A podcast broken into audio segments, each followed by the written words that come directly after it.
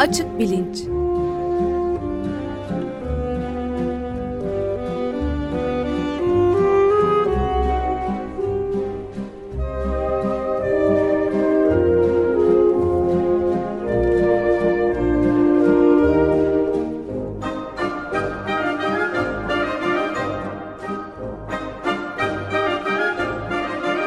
Güven Güzeldere ile bilim ve felsefe sohbetleri. Günaydın Güven Bey, merhabalar. Günaydın Ömer Bey. Merhaba Güven Bey, günaydın. Merhaba Can, günaydın. Ee, geçen hafta bıraktığımız yerden devam ediyoruz herhalde. Bu davranışçılık ekolünden söz ediyorduk.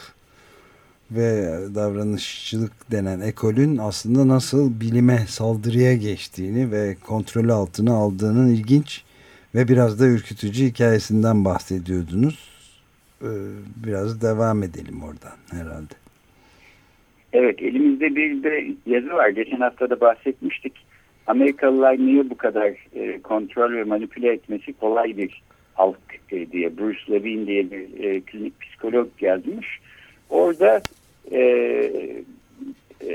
Amerikalıların manipüle edilme e, biçimlerinin e, ilk defa davranışçılık e, ismi verilen psikoloji okulu çerçevesinde e, gerçekleştiğini söylüyor. Daha sonra işte bu davranışçılık okulunun en e, önde gelen isimlerinden bir tanesi e, Harvard'ın en ünlü profesörlerinden Skinner e, Chomsky ile bir e, muharebeye girişiyor. E, Chomsky'nin aslında kazandığı ve çok genç yaşında kendisini ünlü e, kılan e, bir davranışçılık eleştirisi var. E, Chomsky'nin yayınlamış olduğu. Bunlardan bahsetmek istiyoruz fakat oraya doğru biraz tarihi arka planla girelim diye geçen hafta başlamıştık. Tarihi arka plan da e, davranışçılık ekolünün e, çok kısa bir sürede yerli bir etmeyi e, becerdiği kendisinden önce gelen e, deneyici psikoloji ekolü e, introspectionism diye geçiyor. Introspection'ı herhalde içgörü olarak belki çevirmek evet. lazım diye düşündüm. Yani bir evet. içe bakış, içe e, bakış. E, kelimenin anlamı şeyde e, anlam olarak da e, algı e, dış dünyayı e, bize e, sunan e, e, duyu organlarımız e, sayesinde dış dünyayı e, bize getiren dünyayı görmemizi, anlamamızı, dışımızdaki şeyleri algı yoluyla fark etmemizi sağlayan bir kapasite. E, introspection ise, içgörü ise kendi içimizdeki, kendi duygularımızı, düşüncelerimizi, e, duyumladığımız, deneyimlediğimiz şeyleri ayırt etmemizi, bunlara bakıp bunları kategorize etmemizi, e, identifiye etmemizi, neyin ne olduğunu e, anlamamızı sağlayan e, bir kapasite. Bu anlamda algının içe dönüş, içe dönmüş hali denilebilir introspection'a. İçgörü ya da içe bakış herhalde e, iyi kötü karşılıyor, karşılıyor anlam olarak. E, dolayısıyla içgörü okulu ya da içgörü ekolü e, diye bundan sonra anlatıyor olayım. E, bu aslında şeyi bir kenara bırakırsak e, psikolojideki e, psikanaliz e, damarını e, deneysel psikoloji olarak e, psikolojinin e, diğer bilimlerle aşık atmaya çalışan e, ilk zamanlarında ortaya çıkmış olan ilk ekol, e, e, içgörü e, ekolü. E, tarihe baktığımız zaman bilim tarihine zaten görüyoruz ki e,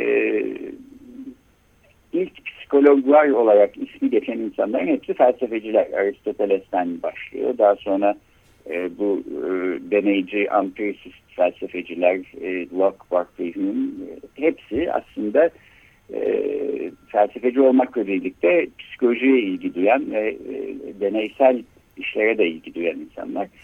E, ama ancak 1800'lerin ortasında psikoloji kendini felsefeden ayıracak hale geliyor. Kurumsal olarak da e, felsefecilerin psikologlarla birlikte içinde var oldukları akademik dernekler ikiye ayrılıyor. E, felsefe dernekleri ayrı, psikoloji dernekleri ayrı hale geliyor.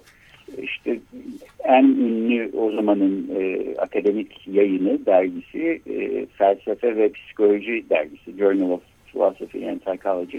O da ikiye ayrılıyor. Bir felsefe dergisi oluyor kendi başına. Bir psikoloji dergisi olarak yayınına devam ediyor. E, psikologlar bu dönemde e, laboratuvarlar kuruyorlar ve e, felsefeden bağımsız e, deneyici bir yola e, e, çıkmaya çalışıyorlar. Psikolojiyi e, diğer bilimlerle yani o zamanlar özellikle çok e, adı geçmekte olan fizik ve kimya e, ya yakın bir bilim haline getirmeye çalışıyorlar.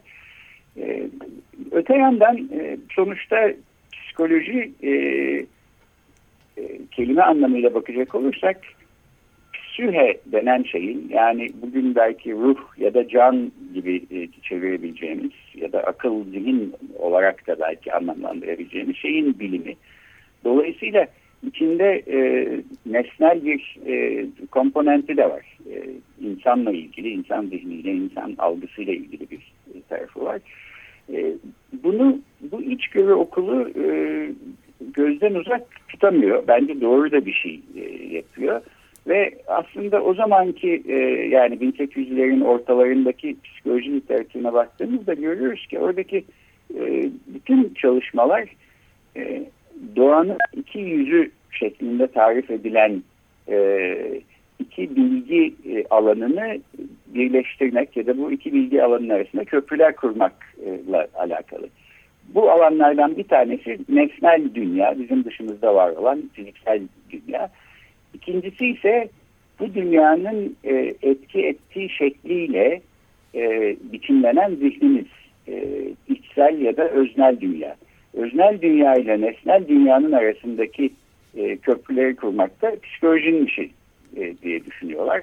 O zamanlar e, yaşamış olan e, belki en önemli ilk e, psikologlardan bir tanesi Wilhelm Wundt e, Leipzig Üniversitesi'nde çok sayıda öğrenci yetiştiriyor ve deneysel e, psikolojinin belki ilk kuşağı hep Wundt'un elinden geçmiş olan öğrenciler oluyor.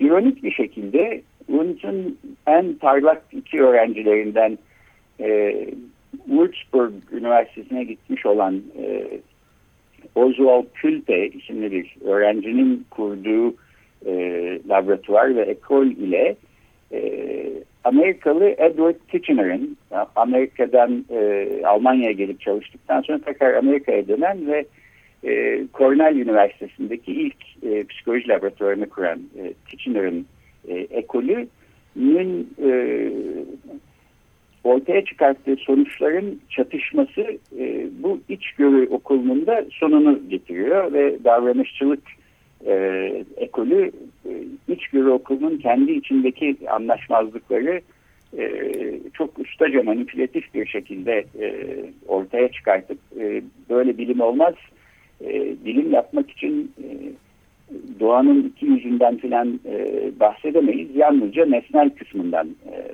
bahsedebiliriz e, çünkü sonuçta e, bilimin içinde öznel nitelikler e, ya da öznel unsurlar olmamalı kimyada, biyolojide ya da fizikte e, biz bir iç dünyadan bahsetmiyoruz. Psikolojide onlar gibi bir bilim olacaksa yalnız dış dünyadan, nesnel dünyadan bahsetmek zorunda. İnsanın nesnel olarak gözlenebilecek e, kısmı ise davranışı. İçindeki e, yani zihnin içinden geçen duyguları, düşünceleri değil, ne şekilde davrandığı e, diyerek çok e, güçlü bir neredeyse bir reklam kampanyası da e, yaparak yaklaşık bir 10-15 sene içinde e, psikolojinin tek e, var olan e, ekolü olan içgörü okulunu e, edip ders kitaplarından çıkartılacak şekilde e, e, davranışçılık e, ekolüyle yer değiştirmiş oluyor. Bu kendi içinde çok ilginç bir e, tarihçe bu işin ilk e, başını çeken kişi de John Watson e, isimli bir psikolog.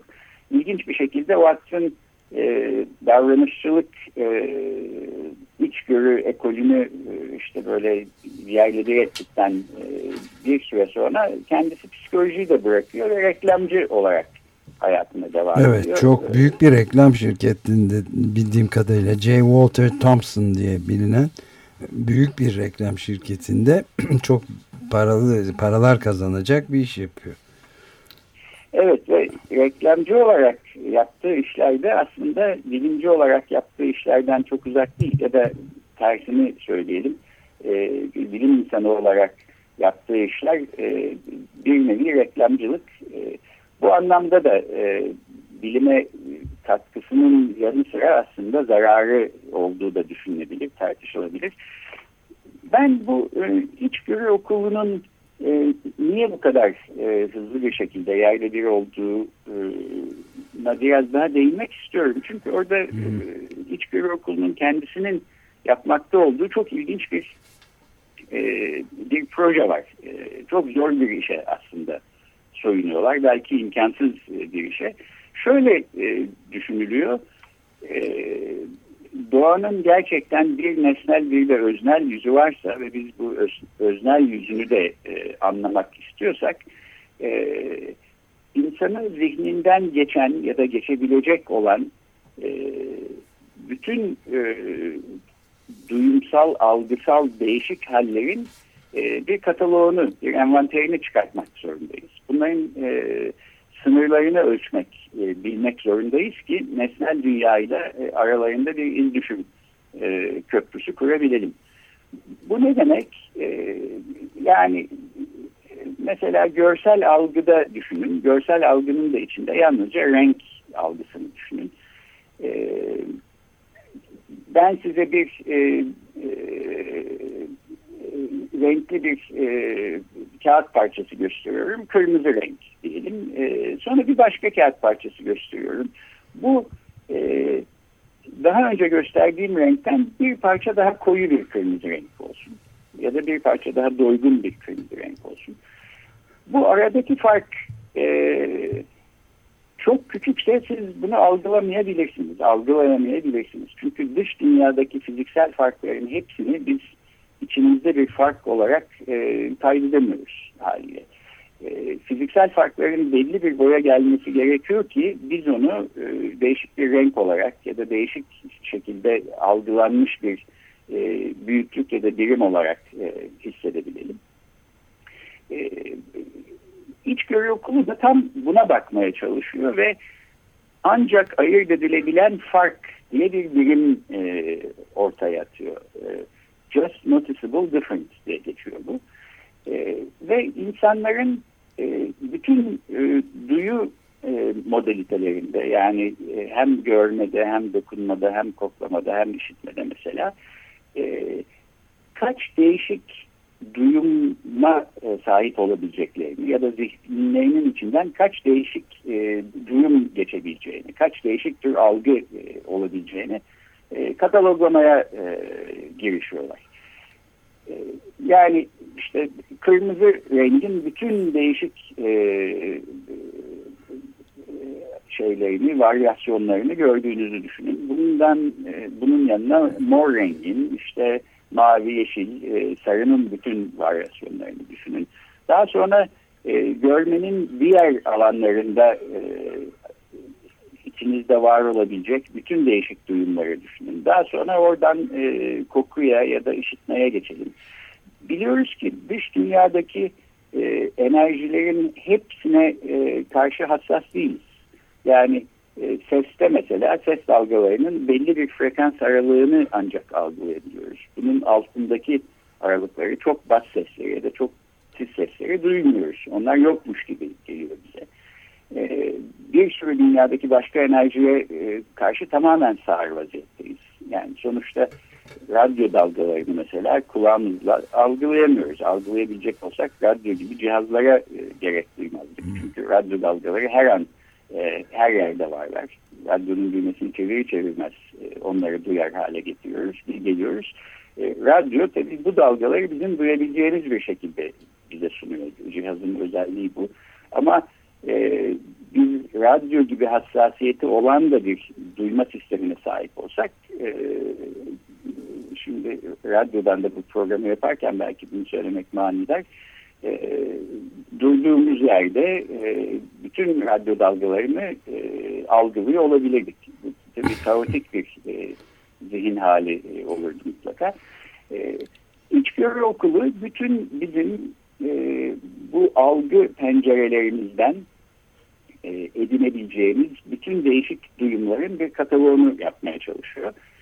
Ee, İmkansıza yakın bir iş gibi görünüyor bu değil mi? Yani çok zorlu bir çabaya e, girmişler içgörü entrospeksiyon okulu yani. E, çok aslında akla ziyan bir e, proje. Yani bir, e, benim e, gördüğüm kadarıyla psikolojinin e, felsefi bir takım varsayımları ve felsefeden kendini ayıramadığı bir takım metafizik varsayımları neticesinde psikolojinin ancak böyle bir şey yapması gerektiği konusunda bir e, kanaat oluşuyor ve bu işe böyle bir körlemesiyle bir şekilde neredeyse e, girişiyorlar, dalıyorlar. E, Amerika'nın en ünlü psikologlarından e, William James e, Almanya'ya gidip bu laboratuvarları ziyaret ettikten, baktıktan e, ve daha sonra Amerika'ya geldikten sonra diyor ki yani bu o kadar çılgınca bir proje ki e, hem çok sıkıcı bir iş hem e, ucu bucağı olmayan e, bir iş. Bunu e, bu sistematik e, şekilde e, çalışmaya ancak e, Almanlar girişebilirdi. Dünyanın başka hiçbir e, milletinden böyle bir e, projeye girişmek beklenmezdi falan gibi bir şey söylüyor. E, daha sonra da e, Almanya'da çalışmış olan ve daha sonra Cornell Üniversitesi'ne gelip psikoloji laboratuvarı kurmuş olan Edward Titchener'ın e, grubuyla e, Almanya'daki gruplar farklı farklı sonuçlara ulaştıkları zaman e, William James yine böyle e, ironik bir şekilde diyor ki e, ben Almanya'ya gidip oradaki e, deney üstünde deney yapılan farelere baktığım zaman e, onların Amerika'daki deney yapılan farelerden farklı davrandığını gördüm. Amerika'da fareleri e, labirentin başına koyuyorsunuz. Ucunda da bir parça yiyecek var. E, Amerikalı fareler kendilerini e, duvardan duvara çarparak e, telaş içinde e, yollarını bulmaya çalışıyorlar. Yanlış yollara giriyorlar, çıkıyorlar, bir daha giriyorlar, bir daha çıkıyorlar. Fakat hiçbir zaman pes etmiyorlar ve sonunda şans eseri e, o yiyeceğin yolunu bulmuş oluyorlar. Almanya'da halbuki fareler labirente kondukları zaman e, sessiz ve sakin bir şekilde uzun süre düşünüyor bu fareler. E, daha sonra yolun ne olduğunu hesapladıkları zaman e, tek adımda giderek e, yiyeceği bulup yiyorlar. Bunun... diye bir şaka e, e, yapıyor James. Bu, bunun altında pedagojik bir anlam aramamak gerekiyor değil mi? Ya da böyle Alman disiplini gibi şakalar da yapmamak gerekiyor. İşte William James yapıyor zaten. Evet. Vallahi evet yani çok fazla bir şey belki aramamak lazım ama James bunu şu sebepten söylüyor. Şimdi onu da söyleyeyim. Ee, bu içgörü okulunun e, çılgın projesine geri dönelim. Yani e, ayırt edebileceğimiz e, algılarımızla bütün değişik e, görsel unsurları, bütün e, duyabileceğimiz şeyleri ya da e, e, tenimizle e, hissedebileceğimiz bütün değişik sıcaklıklar, soğukluklar, e, bütün fiziksel e, büyüklüklerin hepsinin e, başından gelip sonuna kadar çıktığımız zaman e, ki bu e, her denek için e, 10 binin üstünde data noktası e, toplamak e, gerekiyor. Dolayısıyla e, yani bugünlerde mesela bir psikoloji deneyi yapıyorsanız e, işte okulun e, lisans öğrencilerinden gönüllü olanları ya da saatine işte 10 dolar karşılığında laboratuvara gelenler gibi yarım saat 45 dakika bir saatten fazla bir deneye tabi tutup gönderiyorsunuz. Bu e, içgörü okulu halbuki haftalar aylar süren çalışmalarla bir deneyi bırakmıyorlar. E, bu açıdan da aslında çok sıkıcı ve çok yorucu bir şey. E, fakat şu, soruyu sorayım. Bu kendi içinde de ilginç bir soru. E, sizin tahmininiz ne olurdu? Bir insanın zihninden geçebilecek algı yoluyla ayırt edebileceği bütün büyüklükleri görme, işitme, hissetme, koklama aklınıza gelen işte beş duyumuz. Kaç değişik e, sansasyon ya da kaç değişik duyuma sahibiz acaba? Bunun sınırlarını araştırıyor İçgörü Okulu ve e, işte bir 15 senelik e, projenin neticesinde de yayınlanıyor e, şeyler, e, sonuçlar. Sizin tahmininiz ne olurdu? Yani işte böyle onlarla e, ölçülebilen bir sayı mı, yüzlerle mi, binlerle mi e, ne tahmin ederdiniz? E, çok e, yani çok yüksek sayıda bir şey geliyor insanın aklına bilmiyorum ama evet. sınırsıza yakın gibi bir şey çıkardı diye düşünüyorum. E, burada sonuçlar e, yayınlandığı zaman Almanya'daki e, Würzburg okulu e, 10 bin e, civarında bir sayı e, bulmuş oluyor. Aslında çok kesin bir sayı söylüyorlar. O da tabii ilginç. Yani e, şu an elimde yok ama e, 10.485 e, değişik zihin hali diye kataloglamışlar. E, Cornell Üniversitesi'ndeki laboratuvardansa e, 44 bin civarında bir e, sayı geliyor. E, arada bir hayli bir fark var. E, hangisi 10 bin mi 44 bin mi buradan bir e, anlaşmazlık patlak veriyor. İşin en temel ve önemli tarafı aslında bu anlaşmazlığın e, belki nesnel olarak çözülme imkanı olmayan ya da o anda öyle e, nesnel olarak çözülme imkanı yokmuş gibi gözüken bir anlaşmazlık olması. Çünkü iki laboratuvarda birbirini e, kendi deneklerinin e, yanlış e, şekilde e, davranıyor olmasıyla e, suçlamaya başlıyor. E, yani e, tamamıyla nesnel olarak öznel unsurlardan arındırılmış e, şekilde e, deney yapılırken işte fizikte, kimyada, biyolojide filan buradaki bu öznel unsur yani deneyin mesela soruyu nasıl anlayıp e, kendi zihninden içinden geçen şeyi ne şekilde e, rapor ettiği, ne şekilde e, evet bunu da görebiliyorum ya da bunu ayırt e, dediği burada e, bu sonuçların içine e, entegre olmuş oluyor ve bu öznel e, nitelik e, bir şekilde çözümlenemeyecek ya da nesnel yollardan çözümlenemeyecek bir anlaşmazlık bu iki okulun sonuçları e, arasında e, e, tezahür e, böyle bir anlaşmazlığın tezahür etmesine e, sebep oluyor. Evet. Tam da bu noktada e, John Watson ortaya çıkıp e, diyor ki e, bu bir skandaldır e, fenomenal bilinç diye bahsedilen bu insanın içinde var olan işte algı yoluyla e, elde edilebilen dünyanın bize görünür hali falan. Tamam öyle bir şeyler olabilir ama bu bizi deneyici bilim insanları olarak ilgilendirmez. Çünkü bu aslında felsefenin hatta felsefeden önce e, giden batıl inançların ve e, büyünün e, alanına girer. Falan kendini tutamayıp e, felsefeden batıl inançlara oradan büyüye kadar e, gidiyor Watson. Böyle bir manifesto yazıyor 1913 senesinde ve e, fenomenal bilinç denen meseleyi biz e, psikolojiyi bir bilim haline getirmek istiyorsak elimine etmek zorundayız. E, psikoloji olarak çalışabilecek e, elimizde başka bir seçenek var. Bu da davranıştır. E, fizik gibi, kimya gibi saygıdeğer bir bilim haline gelmek istiyorsak psikolojik olarak e, davranışa dönmeliyiz diyor. Ve bu bu şekilde meseleyi koyması psikologlar arasında çok ciddi bir yankı buluyor. Çünkü psikoloji e, bir yandan felsefeden ayrılmaya çalışırken bir taraftan da bir kimlik arayışı içinde olan bir e, çalışma alanı. Yani e, biz bilim miyiz, değil miyiz, e, işte o aralar e, fizik veya kimya gibi bir bilim olmak çok daha prestijli. E, felsefenin e, modası geçmiş gibi gözüküyor. Bilimlerin e, şeyi e, şanı e, yükselmekte. Dolayısıyla e, e, sektörün içinde profesyonel olarak çalışmakta olan psikologlara da e, yine psikanalizcileri ayrı tutuyorum, deneysel psikologlara. Bu Watson'ın bu şekilde e, böyle olayı markalaştırarak e, reklamcı diliyle koyması e, ciddi bir e, şekilde bir etki yaratıyor ve e,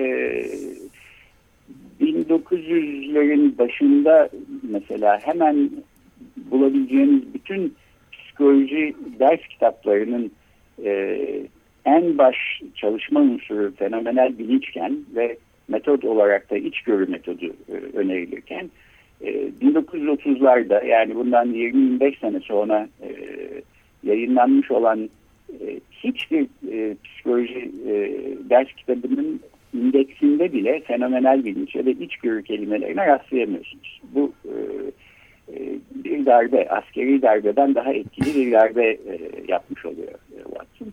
Ve 1960'lara 70'lere kadar e, büyük ölçüde e, Noam Chomsky ortaya çıkıp e, psikolojide değil dil biliminde e, gelen bir e, eleştiriyle e, davranışçılığı ve Skinner'ı eleştirene kadar da e, bu, bu şekilde gidiyor. Evet bu bizi tabii toplumların yönetimi yani o totaliter otoriter onun da ötesinde totaliter yönetim biçimleri ve demokrasi sorununu da ciddi şekilde tartışmaya götürecek bir şey nokta tabii tartışma noktası. Evet bu e, bahsettiğimiz Amerikalılar niye bu kadar e, manipüle ve e, kontrol edilmesi kolay insanlardır yazısının başında Skinner'ın bir e, cümlesi var. Skinner diyor ki yani bundan daha harikulade bir şey olabilir mi? E, davranışçılığın e, yapabileceklerinden bahsederken e, bir canlı organizmanın e, tamamıyla kontrolü elinizde olabilir diyor.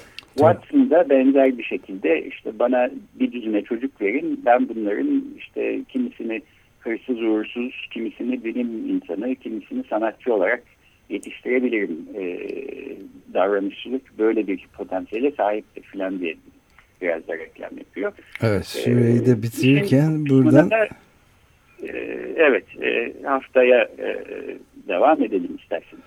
Evet, Can'ın da bir sorusu vardı ama gel, galiba önümüzdeki gelecek haftaya, önümüzdeki evet. haftaya kaldı. Not alıyor şimdi ama. Tamam. tamam unutma Can belki senin sorunla başlarız. Tamam oldu. Çok teşekkür ederiz Güven Bey. Görüşmek Peki, üzere. Ben teşekkür Görüşmek ederim. Üzere. Görüşmek üzere.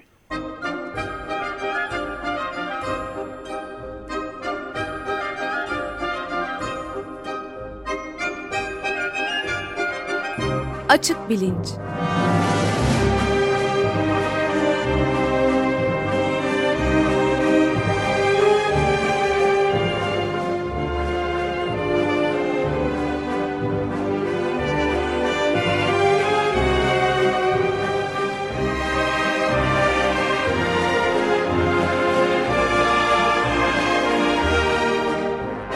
Güven Güzeldere ile bilim ve felsefe sohbetleri.